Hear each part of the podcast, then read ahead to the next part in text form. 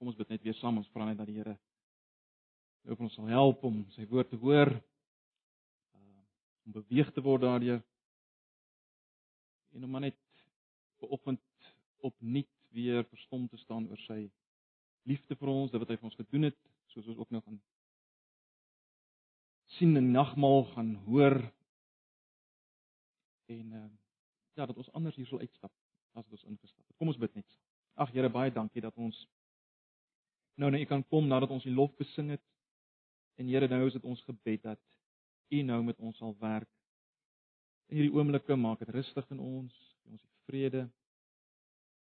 Praat met ons. Praat met ons deur die woord, maar ook vanoggend deur die sakrament op 'n kragtige wyse. Asseblief. Dankie vir elkeen wat hier is. Ons bid vir elkeen wat nie hier is nie. Elkeen wat al weg is op vakansie. Die wat dalk nou op die pad is op hierdie oomblikke, bid dat U hulle sal bewaar. Ek ken almal almal se swaar kry in hierdie oomblik, 'n stryd, 'n worsteling. Gee U vrede waar dit nodig is. Maak elkeen bewus van U teenwoordigheid deur die Gees. Maak ons elkeen intens bewus van U liefde, U onverdiende liefde vir ons wat die teenoorgestelde verdien. Asseblief Here, ons vra dit die wonderlike naam van Jesus. Amen.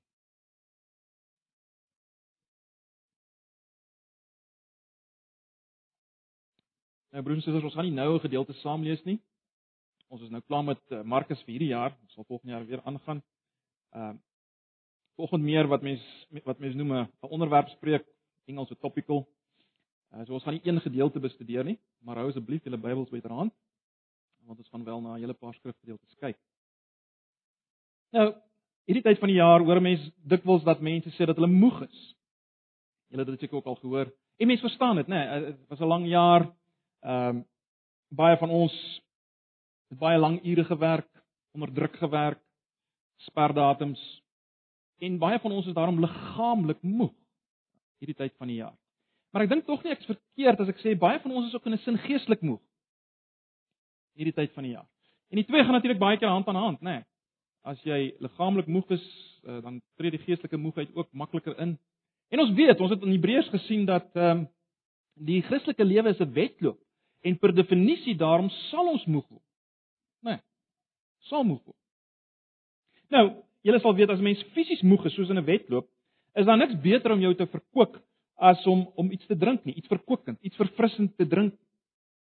Nou ek wil hê ons moet vir oggend by hierdie nagmaalsgeleentheid moet ons moet ons dit doen. Dis wat ek wil hê ons moet doen vir oggend. Ons gaan nie vanoggend baie lank wees nie. Gaan nie baie lank preek nie. Juis omdat ons moeg is. Gaan ek julle nie probeer moeg maak.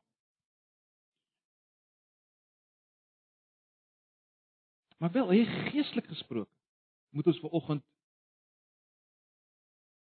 drink en verkoop word deur wat ons drink wil hê ons moet vars en verfris hier uitgaan nadat ons gedrink het uit die beker wat hier voor julle staan. As ons egter verfris wil word vir oggend broers en susters, as ons as ons wil krag ontvang deur deur die beker wat hier voor ons staan, dan dan moet ons vir oggend verstaan, presies verstaan wat werklik in daai beker is. Ons fokus vanoggend spesifiek op die beker, nie soseer op die brood vanoggend nie, maar spesifiek op die beker natuurlik vorm dit 'n een eenheid die nagmaalstafel. Maar mens moet iets begryp van die die ongelooflike inhoud van daai beker as mens werklik versterk wil. En daarom wil ek hê ons moet as te ware hierdie beker hou langs die ander bekers waarvan gepraat word in die Bybel. Nou julle sal weet in die Bybel word daar eintlik van 3 bekers gepraat. Die Bybel praat van 3 bekers. En ek wil as te ware hê ons moet vanoggend elkeen oplig en daarna kyk en dan wil ek hê ons moet saam drink uh, uit hierdie beker en verfris word en mekaar bemoedig en versterk. Nou, die eerste Bybel, ag die eerste uh beker, ekskuus, uh waarvan die Bybel praat, wil ek noem die beker van God se toorn of God se oordeel in die hand van die sondaar. Dis die eerste beker waar waarvan daar sprake is in die Bybel, die beker van God se oordeel in die hand van die sondaar. En ek wil hê julle moet miskien net miskien saam met my blaai uh vir oggend net na 'n paar gedeeltes. Daar's daar's heelwat meer wat mense sou kon lees. Blaai net vinnig na Psalm 75 vers 9. Psalm 75 vers 9.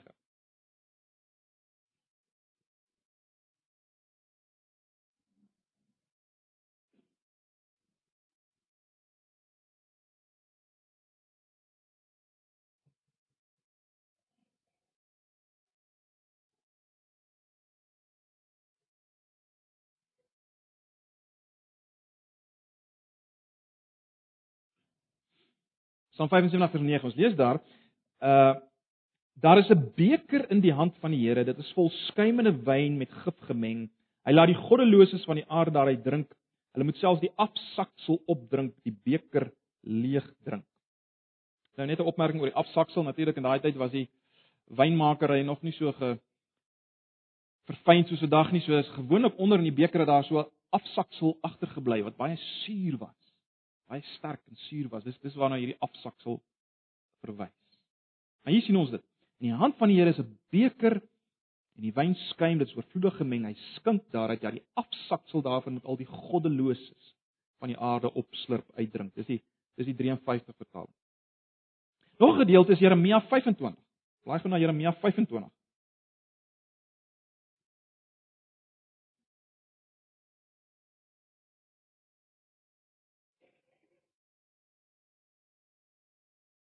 Hier word dit word die beker nog meer eksplisiet genoem.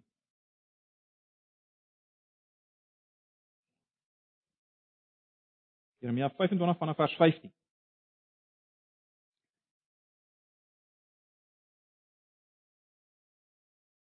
So het die Here, die God van Israel vir my gesê: "Vat hier die beker uit my hand. Dis gevul met die wyn van my toorn.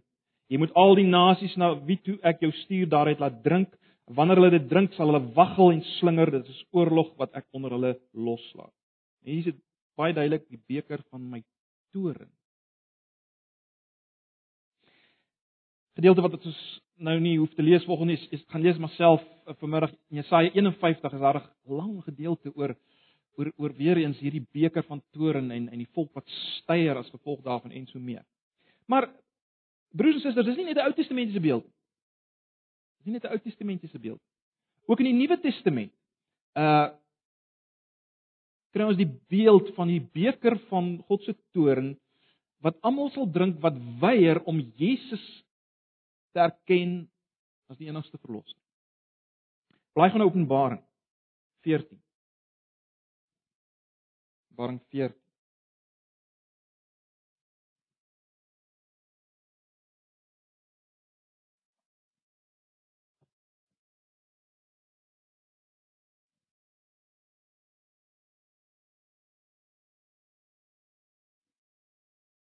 'n derde engel vers 9, ekskuus, Openbaring 14 vanaf vers 9. 'n Derde engel het agter die eerste twee aangevlieg en hard uitgeroep: "Wie die dier en sy beeld aanbid en 'n merk op sy voorkop op of op sy hand aanvaar, sal van die wyn van God se toorn moet drink.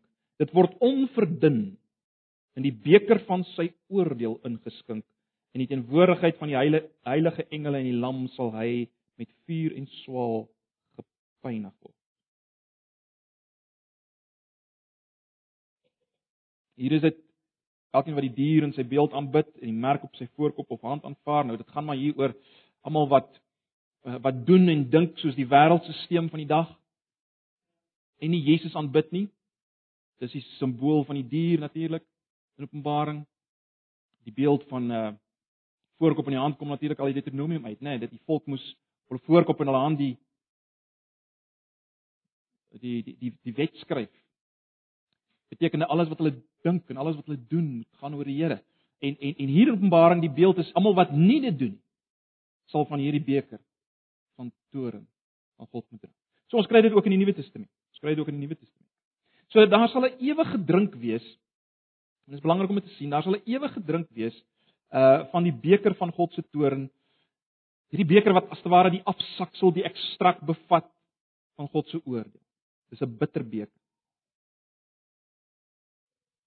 En broers en susters, ons moet ver oggend, ons as kinders van ons as kinders van die Here is ver oggend wat wedergebore is, gered is, moet ver oggend besef waarvan die Here ons gered het. Van die drink van hierdie beker. Besef ons dit. Ek en jy sal nooit as ons as jy 'n kind van die Here is, volgens sal ons nooit daardie beker hoef te drink nie. Besef ons die ongelooflike genade daar. Dat ons nooit hierdie beker van toorn sal hoef te drink nie. Ons sal nooit hoef te styer na die drink van hierdie beker wat so sterk is dat jy styer daarvan. Ons sal dit nooit hoef te beleef nie. Jy sal by wyse van spreuke nooit jou kop hoef te laat sak in hierdie skuimende beker van God se toorn uit hoef uit te drink. Dis geweldig. Maar aan die ander kant as jy vanoggend hier sit as as as iemand wat nog nie gebuig het voor Jesus nie, is dit nie geweldig nie. Besef jy ek, ek wonder of of mense dit besef. Besef wel die konsekwensies van van ongeloof in Jesus. Dis geweldig, is dit nie? Bewe jou hand nie as jy daaraan dink dat jy daardie beker van oordeel sal moet drink nie. Bewe jou lippe nie as jy dink jy sal jou lippe moet sit om die rand van hierdie beker van God se oordeel wat onverdund ingeskink sal wees. En jy sal tot die droesel toe, tot die tot die bodem toe moet ledig, moet uitdrink. God se oordeel. God se oordeel. So dis die eerste beker waarvan die Bybel praat, angswekkend. Die beker van God se toorn in die hand van die sondaar. En en, en ek ek dink almal van ons wat hier sit sê in ons binneste as ek net kan weet ek hoef nooit daai beker te drink. Ek hoef nooit daai beker te drink. En dit bring ons by die tweede beker. Dit bring ons by die tweede beker. Hoe kan ons weet? Hoe kan ons weet dat ons nooit die wyn van God se toorn sal hoef te drink? Hoe kan ons dit weet? Dis die vraag, né? Nee, dis die vraag wat ons onsself moet afvra. En broers en susters, die enigste rede daarvoor en ek weet julle weet dit, maar kom ons dink weer daaroor. Die enigste rede daarvoor is dat dat God het by wyse van spreuke hierdie beker geneem en dit in die hand van sy seun geplaas. God die seun. Ons het verlede Sondag oor gepraat. Jesus is God die seun. Aan die ander woorde in 'n sekere sin neem God self die beker. Die beker van oor. En ek wil hê ons moet vir 'n oomblik daarna kyk. Die die tweede beker waarvan die Bybel praat is hierdie beker van God se toorn in die hand van Jesus Christus. Beker van God se toorn in die hand van Jesus Christus. Blaai gou na Lukas 22. Daar sien ons iets daarvan. Lukas 22 vanaf vers 39. Ek gaan die ou vertaling lees, die 53 vertaling.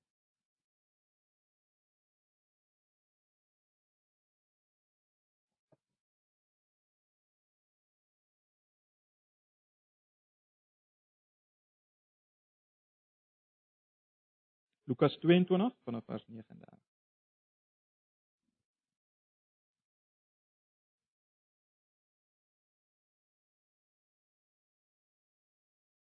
En hy, dis nou Jesus het vertrek en volgens gewoonte na die Olyfberg gegaan. En ook sy disippels het hom gevolg en toe op die plek kom sê hy vir hulle bid dat julle nie in versoeking kom nie en hy het hom van hulle afgesonder omtrent so ver as 'n mens met 'n klip kan gooi en neergekniel en gebid en gesê Vader as U tog maar hierdie beker van my wil wegneem. Nou die rede hoekom ek die 53 vertaling lees is maar net omdat dit daar net eksplisiet net so genoem word beker terwyl die die 83 vertaling interpreteer dit as te ware as die lydingsbeker. Nou ons weet dis die lydingsbeker, maar ek wil hê ons moet sien die Bybel praat net van die beker. As jy tog maar hierdie beker van my wil wegneem, laat nogtans nie my wil nie, maar U wil geskied. En 'n engel uit die hemel aan hom verskyn en hom versterk. Kyk na vers 44. En toe hy in 'n sware stryd kom, het hy met groter inspanning gebid en sy sweet het geword soos bloeddruppels wat op die grond val. Toe staan hy van die bed af op en kom by sy disippels en vind hulle aan die slaap van droefheid en hy sê vir hulle: "Wat slaap julle staan op en bid dat julle nie in versoeking kom nie."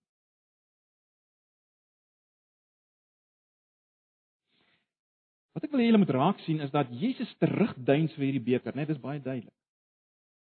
Hy duins terug vir hierdie beker. Hy's bang vir hierdie beker. Daar's geen twyfel.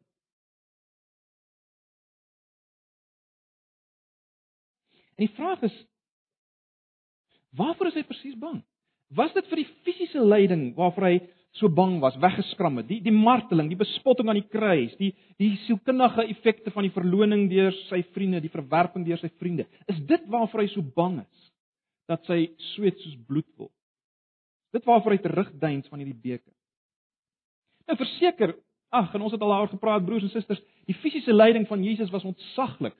Uh ontsaglik, stadige versmoring terwyl jy jouself probeer opdruk en en en die, spykers sny deur jou vleis. Uh, geweldig. Ons ek wil nie vanoggend daardeur uh, daaroor uitbrei.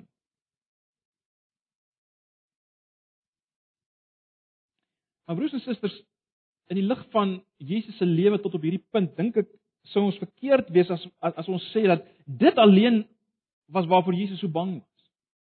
Waarvoor hy bloed gesweet het. Die fisiese lyding, die verwerping, die verloning en so meer.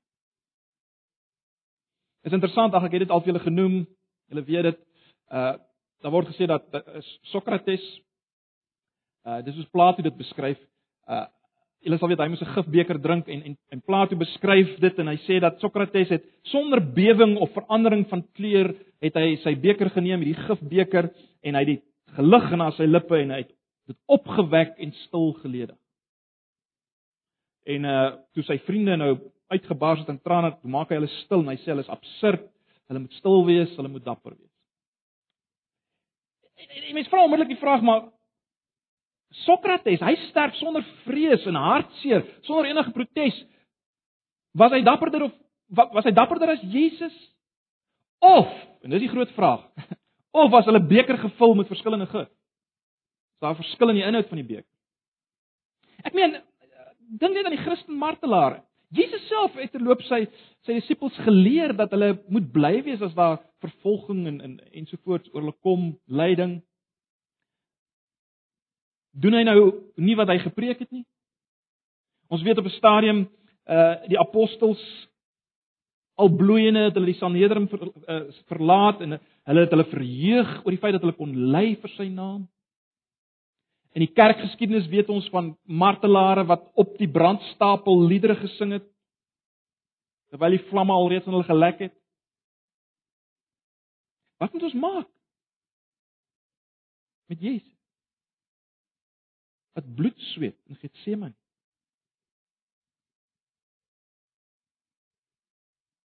Was hy maar net 'n lafaard?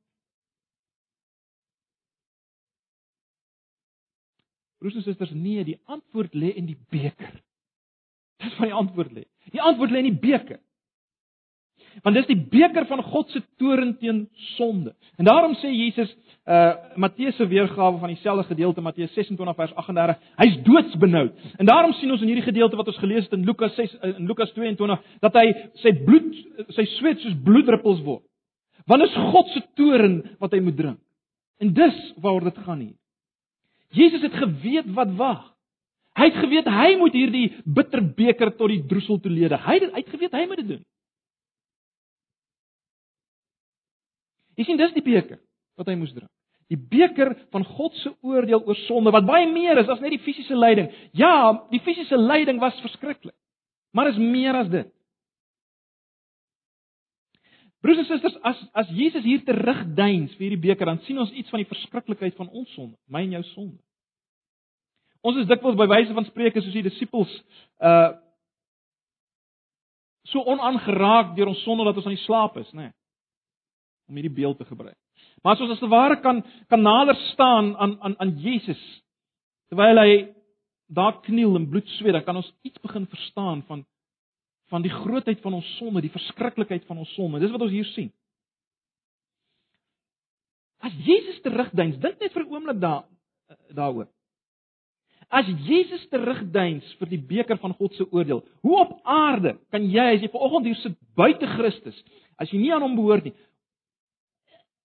is jy so dapper dat jy bereid is om daardie beker van oordeel te drink? Kan jy onaangeraak hier sit? As Jesus teruggedein het. Dis dis 'n vraag wat mense vra, né?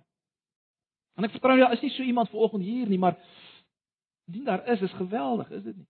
Is geweldig. Dank God dat Jesus wel hierdie beker drink. Let wel om dit so te stel, hy moes die beker drink. As daar enigsins wou hoop wees vir die wêreld, hy moes dit drink. Daarom sê hy, "Laat U wil geskied." Hy het geweet dis dis God se wil dat dit moet gebeur. Hy moet hierdie beker drink. God se oordeel teen sonde moet as te ware tevrede gestel word as mens dit so kan stel want hy is regverdig sy woede teenoor sonde is nie maar net 'n wispelturige uitbarsting nie dis regverdige heilige liefdevolle woede sonde kan nie maar net onder die mat van die heelal ingevee word nie dan moet mee gehandel word die beker moes gedrink word en dis wat ons hier sien dis geweldig nee die beker is nie meer in die hand van die sondaar nie die beker is nou in die hand van die sondelose Jesus. God plaas die beker in die hand van die sondelose en Jesus drink dit tot die droesel toe. Jesus drink dit leeg, né? Nee. En daarom broers en susters, ons moet besef Jesus se lyding was Jesus se lyding onder God se oordeel was die ergste lyding wat denkbaar kan wees. Dink net vir 'n oomblik daaraan. Ag, is vir ons moeilik om regtig hierdie goed te begryp, nê, nee, maar dink dink net vir 'n oomblik so daaraan. Al die sonde van die wêreld. Dink aan die mees verskriklikste dade in die geskiedenis. Dink aan die ouens wat kindertjies gevat het en in gaskamers gegooi het, nog erger, lewendig in die in die brandende oonde gegooi. Dink dink daaraan, die sonde daarvan. Dink aan al die massamoordenaars en alles wat hulle gedoen het, die verskriklikheid daarvan. Die maniere waarop hulle mense vermoor het. Dink daaraan die diktators van die wêreld. Hulle sonde. Maar jou sonde, my sonde. Dink aan al jou valse. Dink aan al jou liefdeloosheid.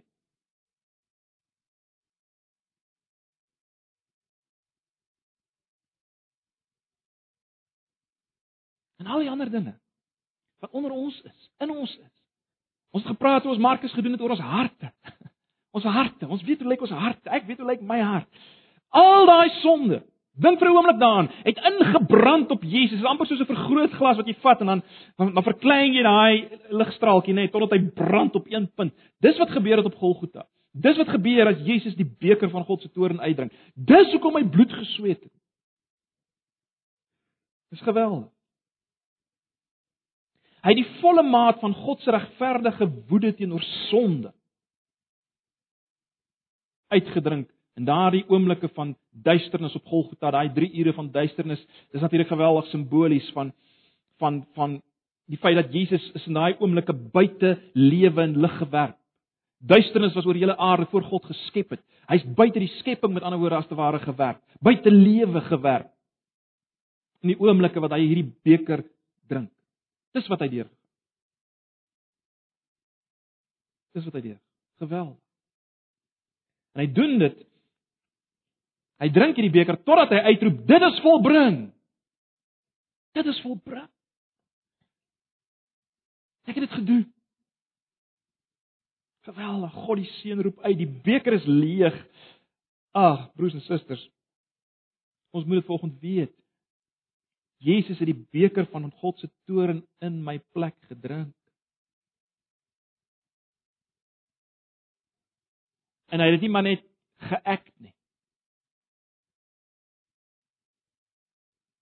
Hy het as volle mens dit gedrink en beleef.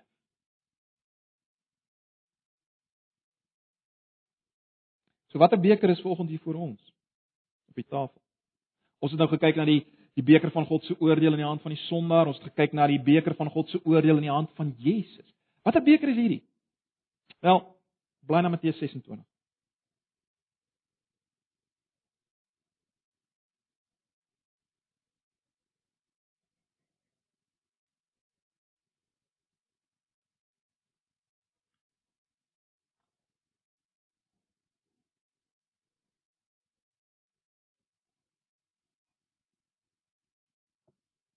Ons lees maar net vanaf vers 27. Toe neem hy, dis Jesus, 'n beker. Letterlik weer die beker. En nadat hy die dankgebed uitgespreek het, gee dit vir hulle en sê: "Drink almal daaruit, want dis my bloed, die bloed waardeur die verbond beseël word en wat vir baie vergiet word tot vergifnis van sondes.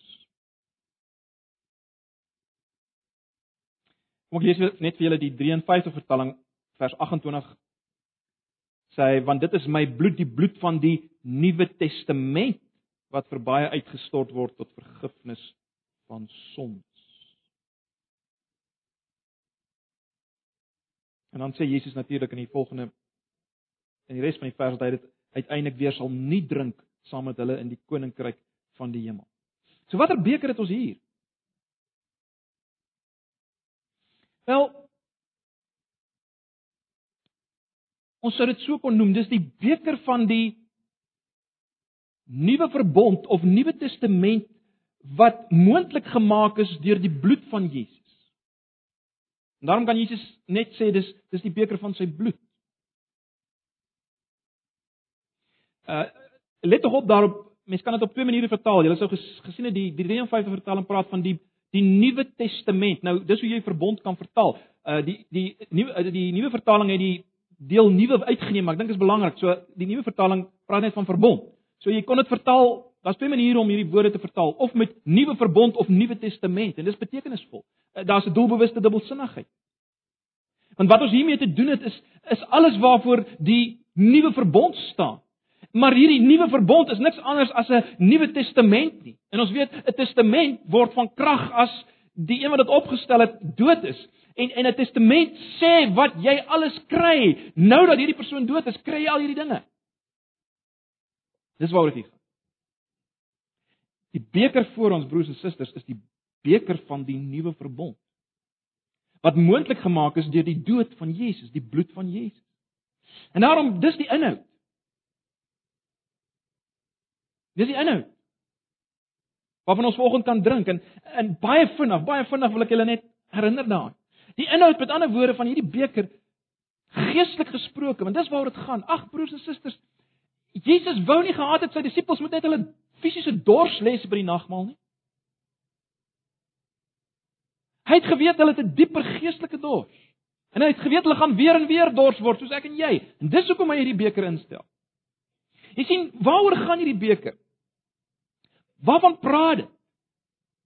Van vergifnis. Die wonder van vergifnis. Dat ons nie meer skuldig staan teenoor die heilige God nie. Daar's niks meer op ons rekening nie.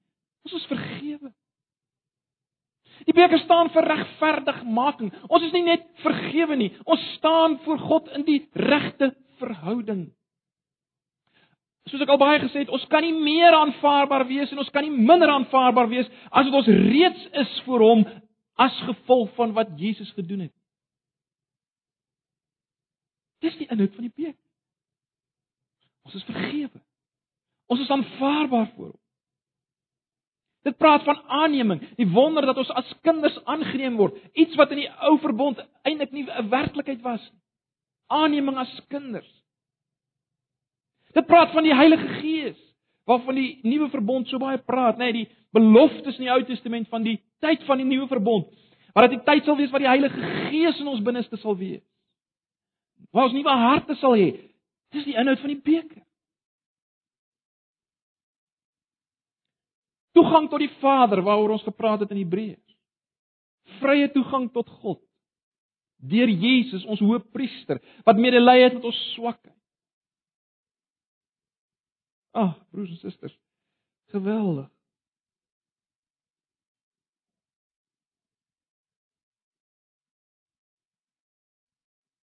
Al die seënings van die ou van die nuwe verbond waarna jy kan dink. Dis waar dit gaan in hierdie beker. Dis as te ware die inhoud van die beker. Dit is belangrik dat ons daaroor sal dink. Al God se liefde is saamgevat in hierdie beker as jy dit so kan stel. Al God se liefde vir ons. Hierdie hierdie totale nuwe verhouding wat ons met hom kan hê. Dis waar die beker gaan. Dis die beker vir ons. Dis die nagmaalsbeker. Dis die nagmaalsbeker.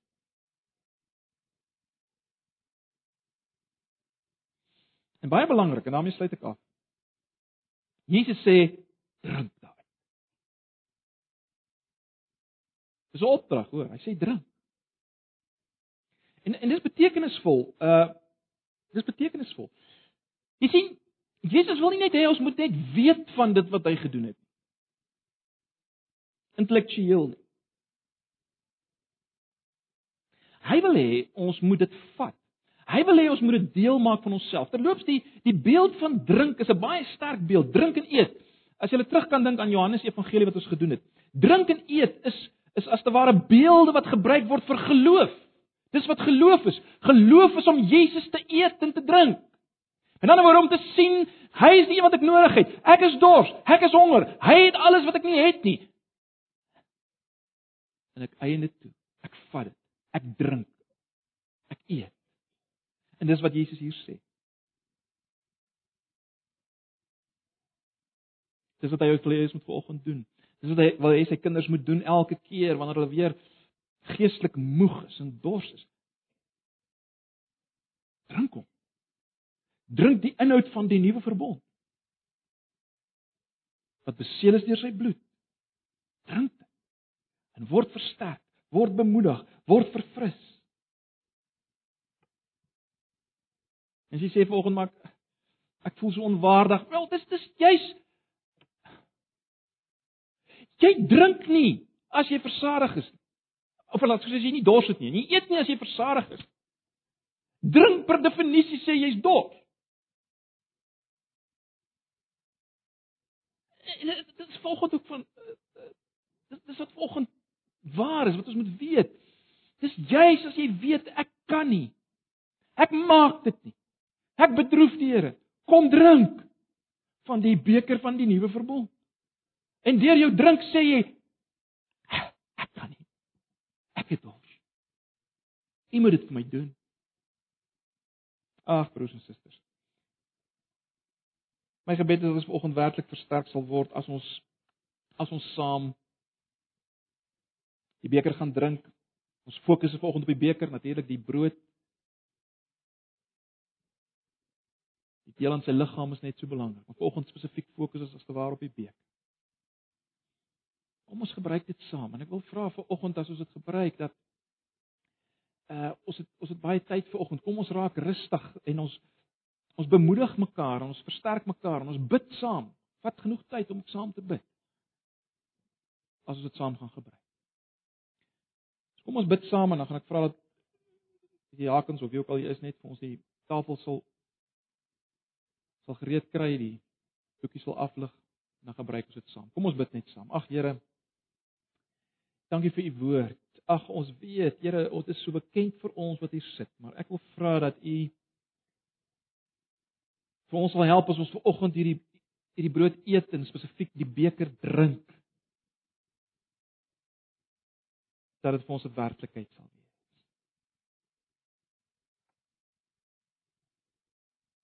Here, ons weet u het geweet dat ons sal sukkel om om te glo. En ons dankie daarom vir die tekens wat ons help en ons versterk. Wil jy ons so versterk volg? Asseblief. Wees ons gasvol. Ons weet dit is deel van die wonder van die nuwe verbond dat U saam met ons eet en drink. Soos die destyds met die oudstes op die berg geëet en gedrink het. Asseblief, Here, kom maak ons baie bewus van U teenwoordigheid. Ons vra dit in Jesus se naam. Amen.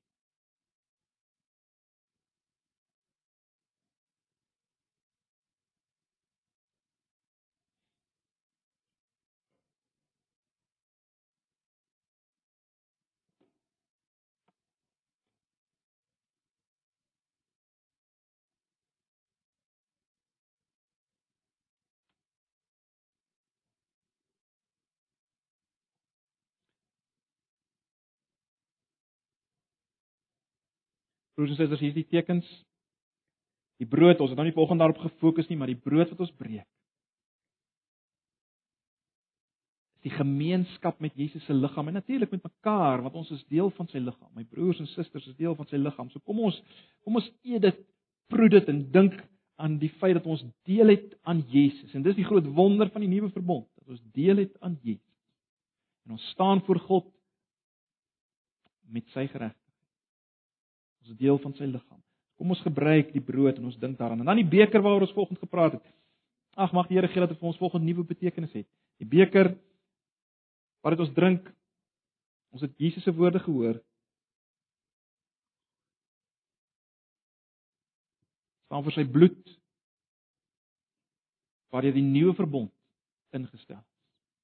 Daarom die beker se inhoud is ten diepste soos ons gesien het al die seëninge van die nuwe verbond. Kom ons gebruik dit. Proe dit. Weet dis waar. Hy het dit gedoen vir my.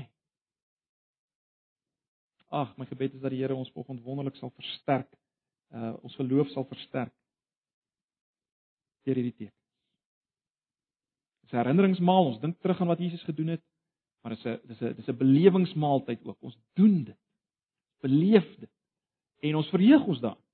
En ons weet hy sê in in die in die, in die laaste gedeelte van daai verse dat hy sal dit weer saam met ons nie drink. Want jy sien dit wat ons hier sien, die die werklikheid waarvoor alles wat ons hier sien staan, gaan ons beleef tot in ewigheid. Tot in ewigheid. Kom ons dink ook daaraan as ons ver oggend die nagmaal gebruik. So ek nooi julle uit kom vorentoe. Ons vat ons tyd. Uh ek het nou nie gekyk nie, maar ek veronderstel tog ons is vroeër vandag. So kom ons wees rustig en ons bid saam en ons bemoedig mekaar rondom die tekens. Ek nooi julle om vorentoe.